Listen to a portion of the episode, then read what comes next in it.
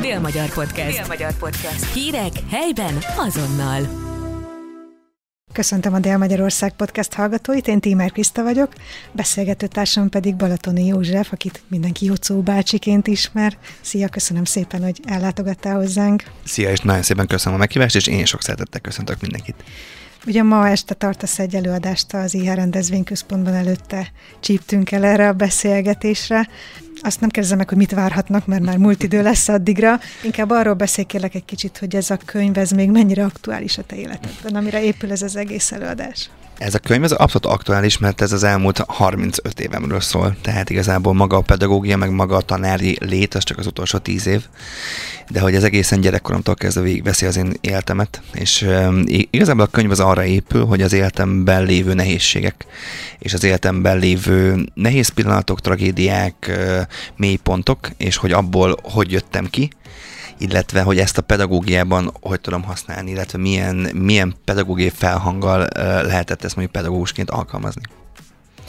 Mennyire volt ez nagy munka, önismereti és egyéb út, hogy te ezeket fel tud dolgozni, ezeket a traumákat, amik értek téged? Ez egy óriási egy szembenézés volt önmagammal. Tehát, hogy én ezt tavaly augusztusban kezdtem el írni, és nagyjából másfél hónapot töltöttem a könyvírásával. De maga az ötlet az 2020-ban született meg nyáron, tehát, hogy én két évig gondolkodtam, és két évig készültem rá lelkileg, meg elmentem pszichológushoz, elmentem coachhoz, tehát azért készültem arra, hogy ezt a könyvet meg fogom írni. De azért voltak olyan pillanatok, amikor azt éreztem, hogy ezt nem biztos, hogy meg akarom írni, vagy nem biztos, hogy szembe akarok nézni, mondjuk akár a, a gyerekkori traumáimmal, a, a, akár a felnőttkori traumáimmal, akár azok a, a problémákkal, amikkel az egész életemben meg kellett, hogy küzdjek. De hogy igazából a végére tök jól jöttem ki, ki belőle. Tehát, hogy egy ilyen, egy, egy olyan egy ilyen felszabadító vagy feldolgozó történet volt, amire azt gondolom, hogy, eh, hogy már nagy szükségem volt. De miért könyvet írtál ahhoz, hogy ez kijöjjön belőled? No, általában az emberek, aki elmegy pszichológushoz, elmegy coachhoz, megdolgozza a problémáját, és aztán azt mondja, hogy oké, okay, most már akkor rendben vagyok, ehhez nem kell könyv. A könyv ötlete az azért született, mert ebből nekem megkészült egy előadásom még 2018-ban, a, a Hősök Tere Alapítvány kért fel, hogy én egy 15 percben beszélgessek, vagy beszéljek az életem traumáiról, és akkor arra tényleg összeraktunk egy komplex előadást, majd aztán ebből készült egy, egy, egy órás előadás, és azt láttam az előadásaim során, hogy nagyon sokan jöttek oda a végén, hogy ők tudtak ezzel azonosulni. Mindenkinek volt egy olyan pont, amire, hogy ez az én életemben is megtörtént, és mennyire jó, hogy én erről beszélek, vagy mennyire jó, hogy elmondom azt, hogy én ezt hogy dolgoztam föl, vagy hogy éltem túl ezt a történetet. És ezért gondoltam azt, hogy eh, hogy nem tudok mindenkihez eljutni, és ne, nem tudok mindenhova elmenni előadást tartani, hanem ha ez könyvformátumban van, és ráadásul hogy olyan fejezetek vannak, amik önállóan is megállják a helyüket, tehát hogy ez bárki elő tudja venni, és akkor el tudja olvasni, végig tudja olvasni, és végig tudja gondolni ezeket a dolgokat. Tehát, hogy egyfajta ilyen nem tudom, inspirációt akartam adni az embereknek, és szerintem a könyv az még mindig az a, az a formátum, amivel ezt, ezt a legkönnyebben el lehet az emberekhez jutatni. Ugye azt tudjuk rólad, hogy most már nagyon meghatározó influencer vagy.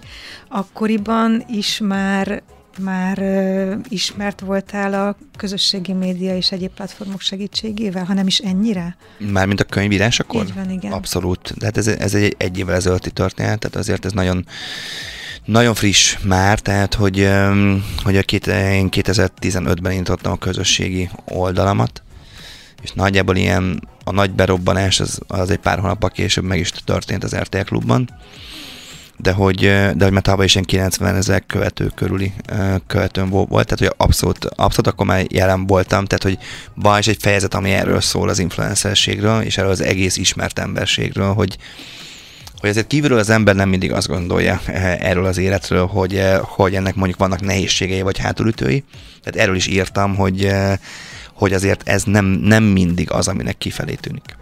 Nyilván rosszul tettem fel a kérdést, mert ez egyértelmű volt, hogy már ismert voltál, csak hogy nyilván a mértéke volt a kérdés. Arra akartam rákérdezni, hogy ez mennyire segített téged abban, hogy a nyilvánosság elé állj, illetve hogy az üzeneteid eljussanak. Tehát magyarul kellett ez a nyilvánosság ahhoz, hogy te ezt meglépd? Vagy egy civilként is megírtad volna ugyanezt? Nem hinném, hogy megírtam volna. E, tehát, hogy abszolút kellett, e, kellett az a fajta nyilvánosság, sőt, tovább megyek, az a fajta magabiztosság, amit ez a fajta nyilvánosság adott nekem az elmúlt 7-8 évben. És az a fajta magabiztosság, amit én magamra szedtem ez idő alatt, hogy nagyon sokszor álltam ki és beszéltem egy-egy problémáról, egy-egy történetről, és amire le tudtam vetközni azt, hogy, hogy nem baj, hogyha sebezhetőnek tűnök, vagy nem baj, hogyha felvállalom a nehézségeket, nem baj, hogyha felvállalom a problémáimat. Ez mind-mind kellett ahhoz, hogy aztán ezt tényleg egy könyvformátumban meg tudjam írni, és egybe az összeset ki tudjam adni magamból.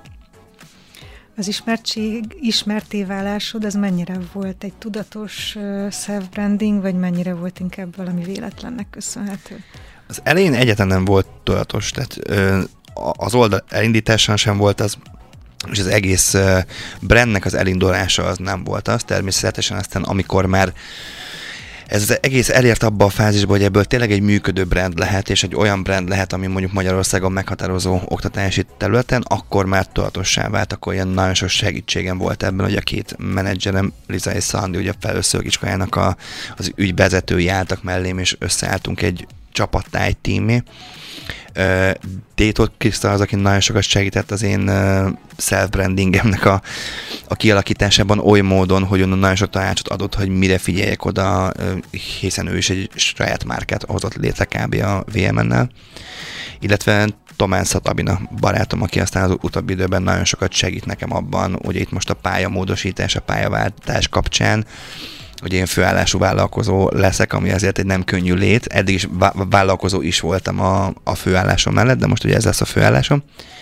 Tehát, hogy azt gondolom, hogy rengeteg rengeteg olyan segítségem van, és olyan szakember van mellettem és körülöttem, akik iszonyatosan jó a, a szakmájukban, és most már tényleg elmondhatom azt, hogy viszont a márkaépítésben, a brandépítésben is elég sok mindent elértem, és elég sok mindent megtanultam útközben, tehát hogy ez egy abszolút tudatos volt. Mondom, kellett egy pár hónap, amíg egyetem felfogtam, hogy mi történik körülöttem, és hogy ebből mit lehetne kihozni. Tehát nem azért indítottam, hogy az le- le- legyen, ami ma van, hanem igazából csak embereket akartam szórakoztatni a bejegyzéseimmel, és aztán végül, végül ez lett belőle, ami ma.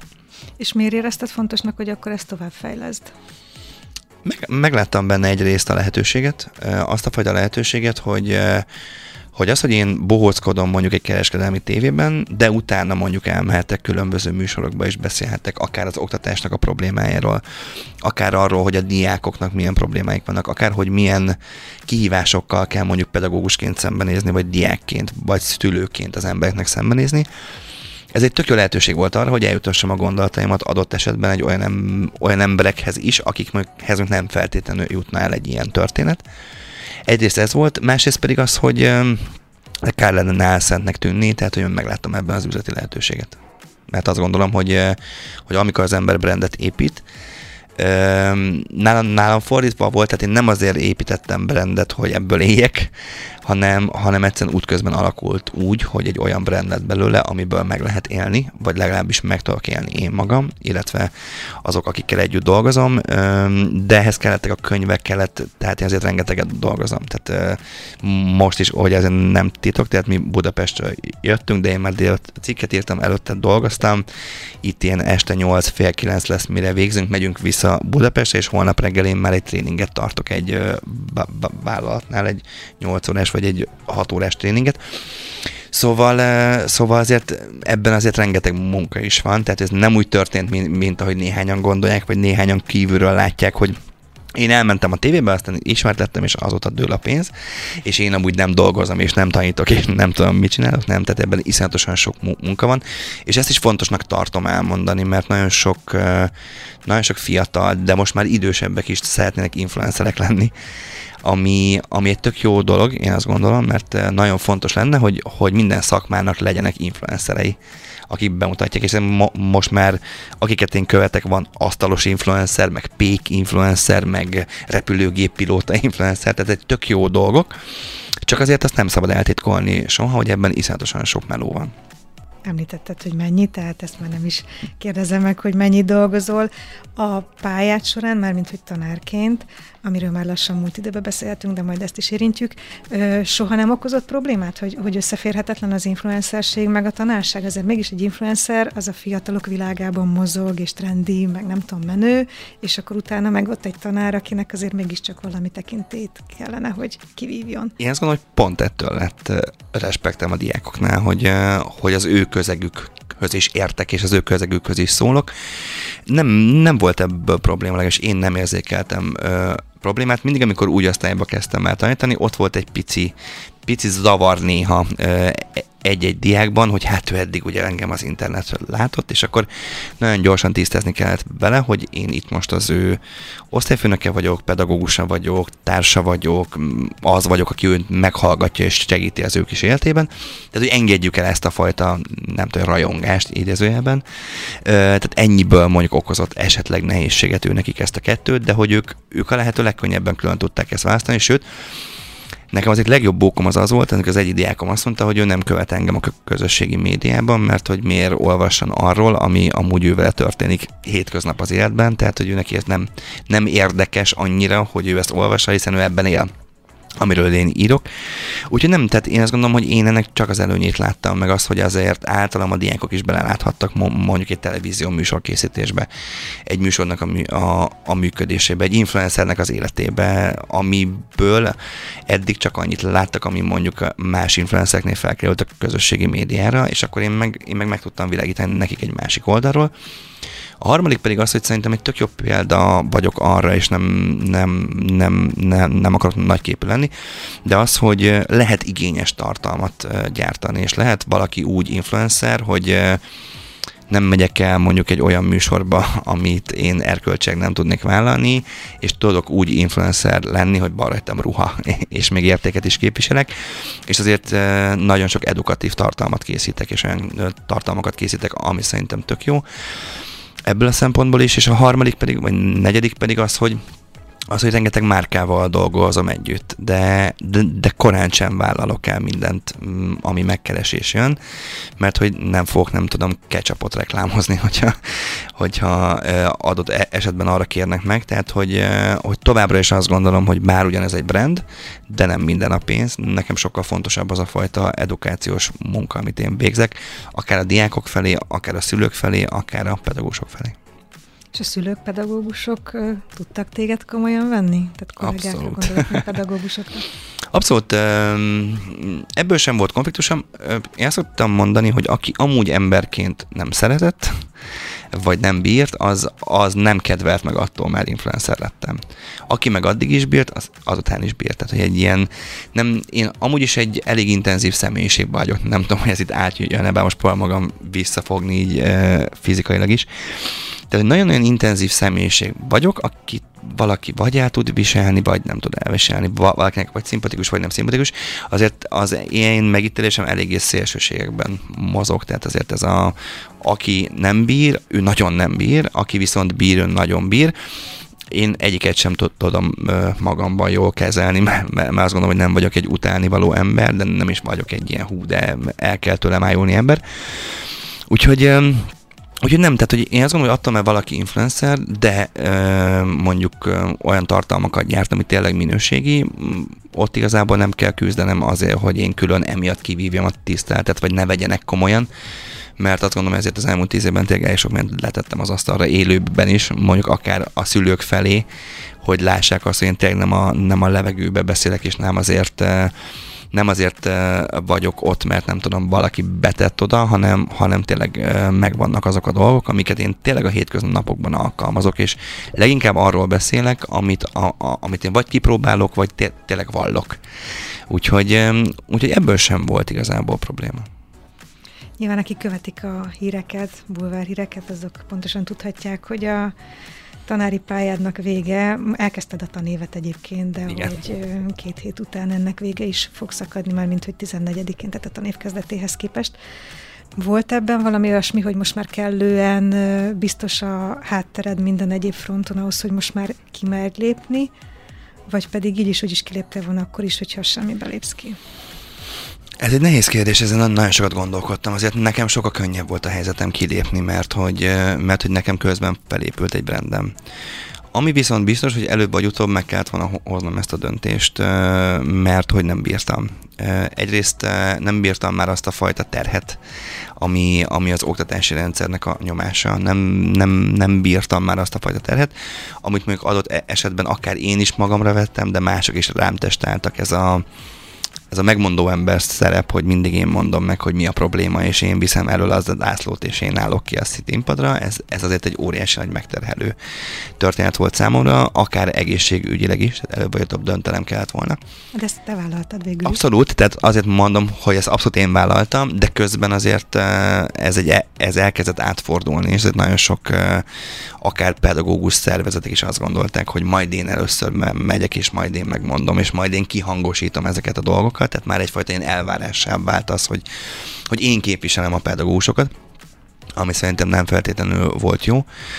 Másrészt pedig, eh, pedig tényleg azt gondoltam, hogy ez a fajta változás, ami most az oktatásban van, ez egy annyira rossz irány, és egy annyira számomra már elfogadhatatlan irány, hogy nagy valószínűséggel azt gondolom, hogy ha, ha nem lenne brandem, és kiléptem volna, és elkezdtem a teljesen mást dolgozni, mert tényleg lelkileg eh, ezt, ezt már nem tudtam elviselni, tehát nem, nem tudtam a tükörben nézni, hogyha még ezt is, eh, ezt is elfogadom, ezt a dolgot, nehéz, tehát ez egy borzasztóan nehéz döntés, én azt gondolom, pláne annak, aki, aki tényleg szívből ö, szerette a, a pedagógiát, és szereti mind a mai napig, mert ez szerintem nem múlik el, tehát hogy az ember attól, mert éppen nem dolgozik iskolában, nem szűnik meg pedagógusnak lenni, sőt, viszont ö, az is igaz, hogy az elmúlt másfél hónapban, amióta ugye nyilvánosság került az én döntésem, én rájöttem, hogy kiégtem az elmúlt két évben, amit eddig nem vettem észre. Hogy lehet a 30-as évek elején kiégni?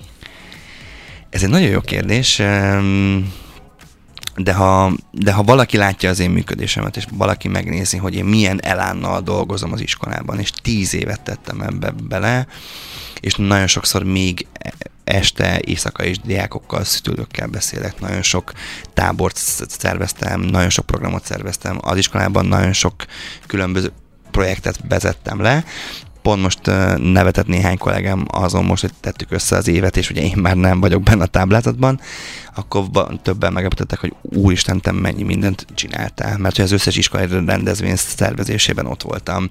És minden mellett ö, vittem egy, egy, egy, egy saját vállalkozást és egy brandet, ami szintén egy teljes állású ö, munka volt, és ezért eh, tényleg nekem nem ritka, hogy napi 16-18 órákat dolgozom, nem véletlenül ment tönkre mondjuk a házasságom ebben az időszakban, tehát hogy én azt gondolom, hogy a kiégés az, tehát ahhoz nem kell túl sok idő. Tehát szerintem valaki akár egy év alatt is ki tud égni, hogyha olyan munkát végez, ami nem jó neki, vagy egyszerűen teljesen meg, eh, megmegy benne lelkileg nálam nem ez volt a helyzet, hanem tényleg az, hogy túlpörgettem ezt a dolgot, és azért betegség jött be, betegség hátán, és elég komoly betegségek is, amiket én azért gondoltam, hogy ezek intő jelek, de nem gondoltam, hogy ennyire. Tehát, hogy azért tíz év alatt azért ki lehet égni. Nálunk azt szokták mondani, hogy a konyfában eltöltött egy év, az egy másik iskolában mondjuk három. Tehát, hogyha mondjuk a 10 évvel számolunk, akkor ez 30 év, hiszen uh, iszonyatosan sok hátrányos helyzetű és képességzadavaros gyerekkel dolgoztam például, és nagyon-nagyon intenzív volt a gyerekekkel a kapcsolat, szóval így lehet kiégni, úgyhogy az ember nem veszi észre de hál' nagyon szakemberek vannak körülöttem, és, és igazából mindenki tudta, hogy ezt nekem nem mondhatják meg, mert úgysem fogom el, elfogadni, meg elgondolkodni, mert elég makacs ember vagyok. Viszont miután elmondtam, nagyon sok olyan barátom, aki szakember, aki így fellélegzett, hogy na végre, tehát végre így rájöttem arra, hogy mi a helyzet. Úgyhogy, úgyhogy igen, de, de hál' ezen is túl vagyok, és ezt is fel tudtam magamban, magamban dolgozni, úgyhogy most iszonyatosan sok energiám van, és nagyon sok kreatív energiám na és ezt a sok energiát beleveted valami másba, akkor mi fog történni, ha abból is kiégsz, mert ugyanazzal az intenzitással pörgeted azt is?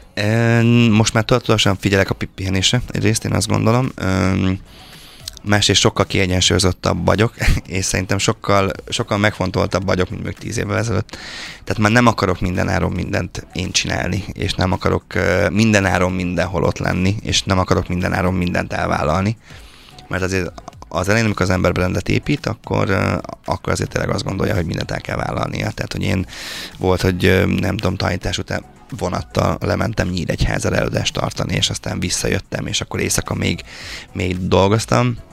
Most már az éneket nem tennék, tehát, hogy most már azért egy ennél sokkal megfontoltabb vagyok, és sokkal jobban figyelek ezekre a dolgokra.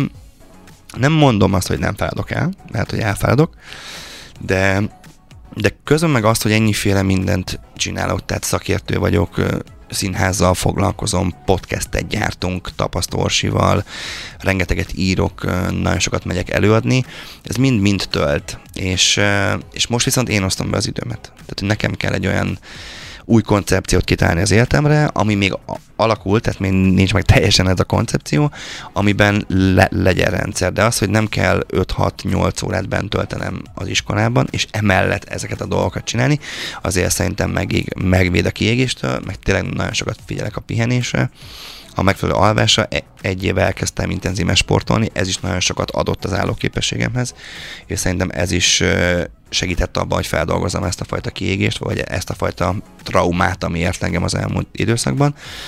Illetve időről, időre eltűnök egy-két-három hétre mindig valami exotikus országba, és akkor ott, ott pihenek. Most éppen egy hónap múlva fogok menni Afrikába és egy picit ott, ott így eltűnök a világ elől, és olyan kopján nem, nem nyúlok a közösségi oldalamhoz. Tehát a Jocó bácsi Biága oldalt, ez teljesen e, béké hagyom, az Instagramra szoktam néha ilyen naplói jelleggel sztorikat feltölteni az utazásról, de azon kívül nulla közösségi jelenlétem van, ami meg szerintem tökre kell egy, egy ilyen detox, amikor az embernek tényleg az a munkája, hogy beedzéseket gyártasz, és, és közösségi oldalakat üzemeltetsz, akkor, akkor időnként kell ez a fajta digitális detox, ami szintén megvéd a kiégéstől.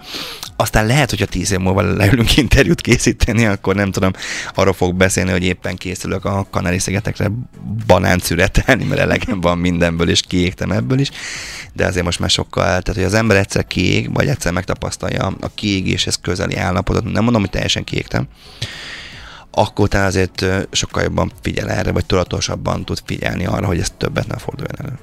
Hát vagy legalábbis akkor, hogyha előtte szakemberek segítséget adtak és rávilágítottak. Abszolút. Mit gondolsz, hogyha te, mert ezért férfiak esetében ez azért elég nehéz. Felismerni, elfogadni, te is mondtad, hogy ha ezt más mondta volna neked, akkor azért ez nem biztos, hogy eljut a füledig.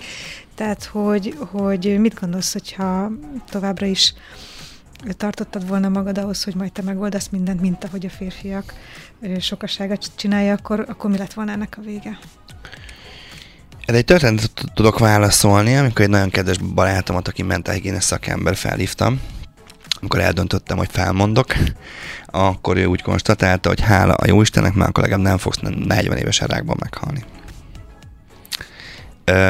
Ez egy nagyon kemény mondat volt, de azt gondolom, hogy ez, ez egy kiózanító mondat volt. Tehát tényleg a, azok a betegség sorozat, amin az elmúlt évben átmentem, azért azok nagyon-nagyon durvák voltak, és ilyen teljesen megmagyázhatatlan, nem tudom, egy, egy fog láthatatlan repedésből kialakult gyulladás, amit nem tűnt föl, tehát nem, nem voltak jelei, elhalt az arc csontomnak egy része, és akkor hetekig kellett kezelésre járnom, meg felnyitották, tehát nagyon-nagyon durva voltak a Covid-nak, nagyon durva szövődmény lettek, akkor közben találtak egy elváltozást a bőrömön, tehát, tehát, rengeteg mindent, tehát én kilenc hónapig voltam beteg konkrétan, úgyhogy én mellette végig dolgoztam. Ö, Úgyhogy uh, nagy valószínűséggel uh, egy nagyon komoly egészségügyi probléma lett volna a vége, vagy akár tényleg az, hogy nem tudom, 40 évesen szívrohamba összeesek és meghalok ami persze így sincsen kézzelve, mert nem tudjuk, hogy mi van az ember életében megírva, de, de, azért, de azért most azért tényleg egy óriási teher került le rólam, és szerintem az, az tök fontos lenne átadni üzenetként a férfiak felé, és hogy, hogy mi se tudunk mindent megoldani egyedül.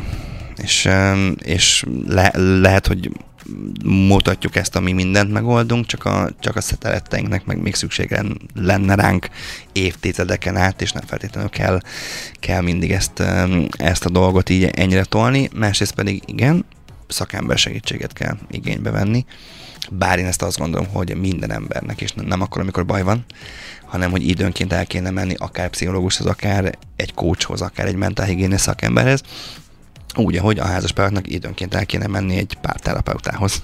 Akkor is, hogyha még valami boldogok, mert ezek inkább ilyen preventív jellegű történetek. Pontosan egy hét van hátra tanári pályádból. Milyen érzésekkel mész be reggelente a suliba? hihetetlen boldog vagyok, de tényleg. Egyrészt az, hogy kaptam még két hetet a gyerekekkel, tehát hogy azokkal a gyerekekkel, mert hogy én nem köszöntem el tőlük. Tehát hogy a, a saját osztályomtól, illetve egy gimnazista osztálytól elköszöntem, de a többiektől nem. Tehát, tehát a kicsiket nem, nem akartam felzaklatni azzal, hogy én bejelentem június 15-én, a következő tanévben nem vagyok, amikor akkor még én magam sem tudtam, hiszen akkor még lebegett, hogy most lesz törvény, nem lesz törvény, nem voltam naív, de meghagytam azt az 100 esélyt. És akkor most ebben a két hétben legalább tudok találkozni ezekkel a gyerekekkel, el tudok tőlük is köszönni, le tudjuk zárni ezt az időszakot, és újra azt a Jocó bácsit kapták, akit amúgy, amit amúgy megérdemelnek, és akit amúgy nem láttak mindig, mert hogy kezdtem elszürkülni, kezdtem nagyon-nagyon mély ponton lenni, depressziós lenni, most meg egy iszonyatosan boldog és felszabadult embert kaptak, aki, aki tényleg sziporkázik, mint régen. Úgyhogy, eh, úgyhogy nagyon-nagyon boldog vagyok. A kollégáim tényleg naponta megjegyzik, hogy én egész nap vigyorgok, mint a tejbetök.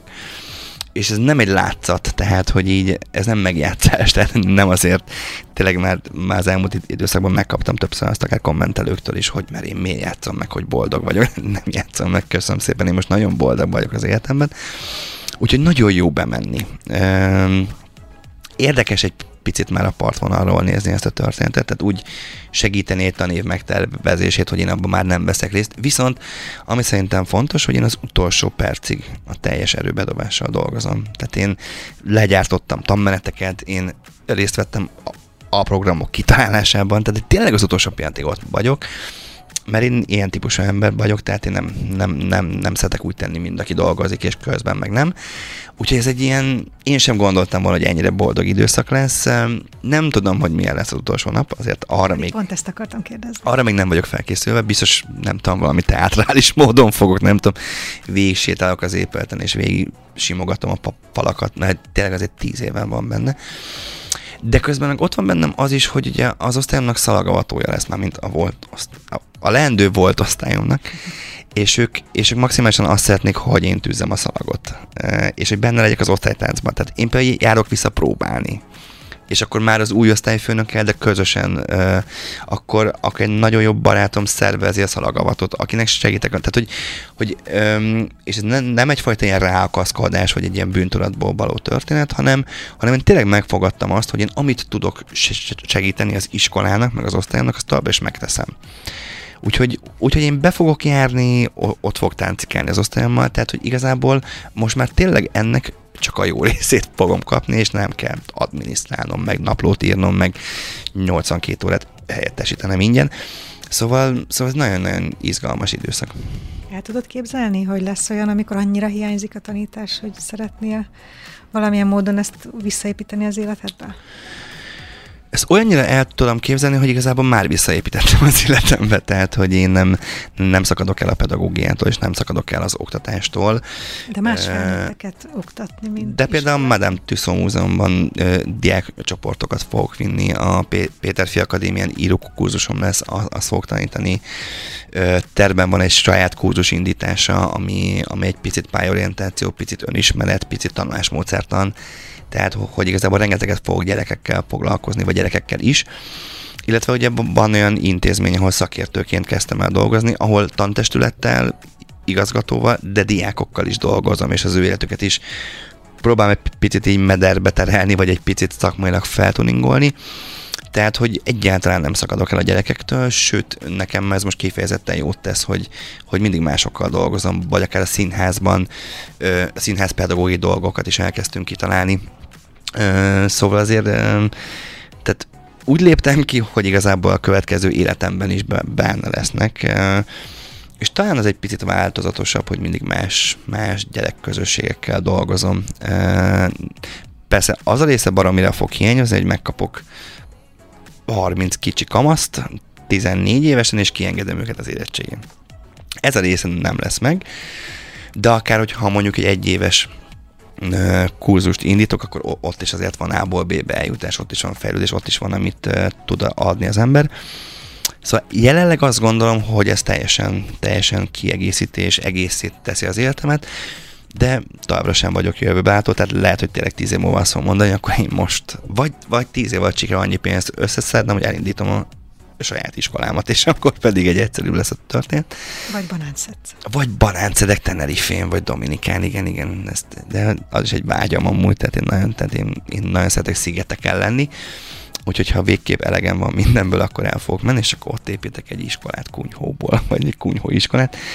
Szóval uh, rengeteg tervem van, és, és azt gondolja, a terveimnek a nagy része kapcsolódik, vagy az oktatáshoz, vagy a gyerekekhez, és az meg, azt meg barom jól látni, hogy amikor tantestületekkel dolgozol, és tantestületeket képzel, hogy utána, na viszont ez a gyerekekig lemegy, és tök jót tesz nekik.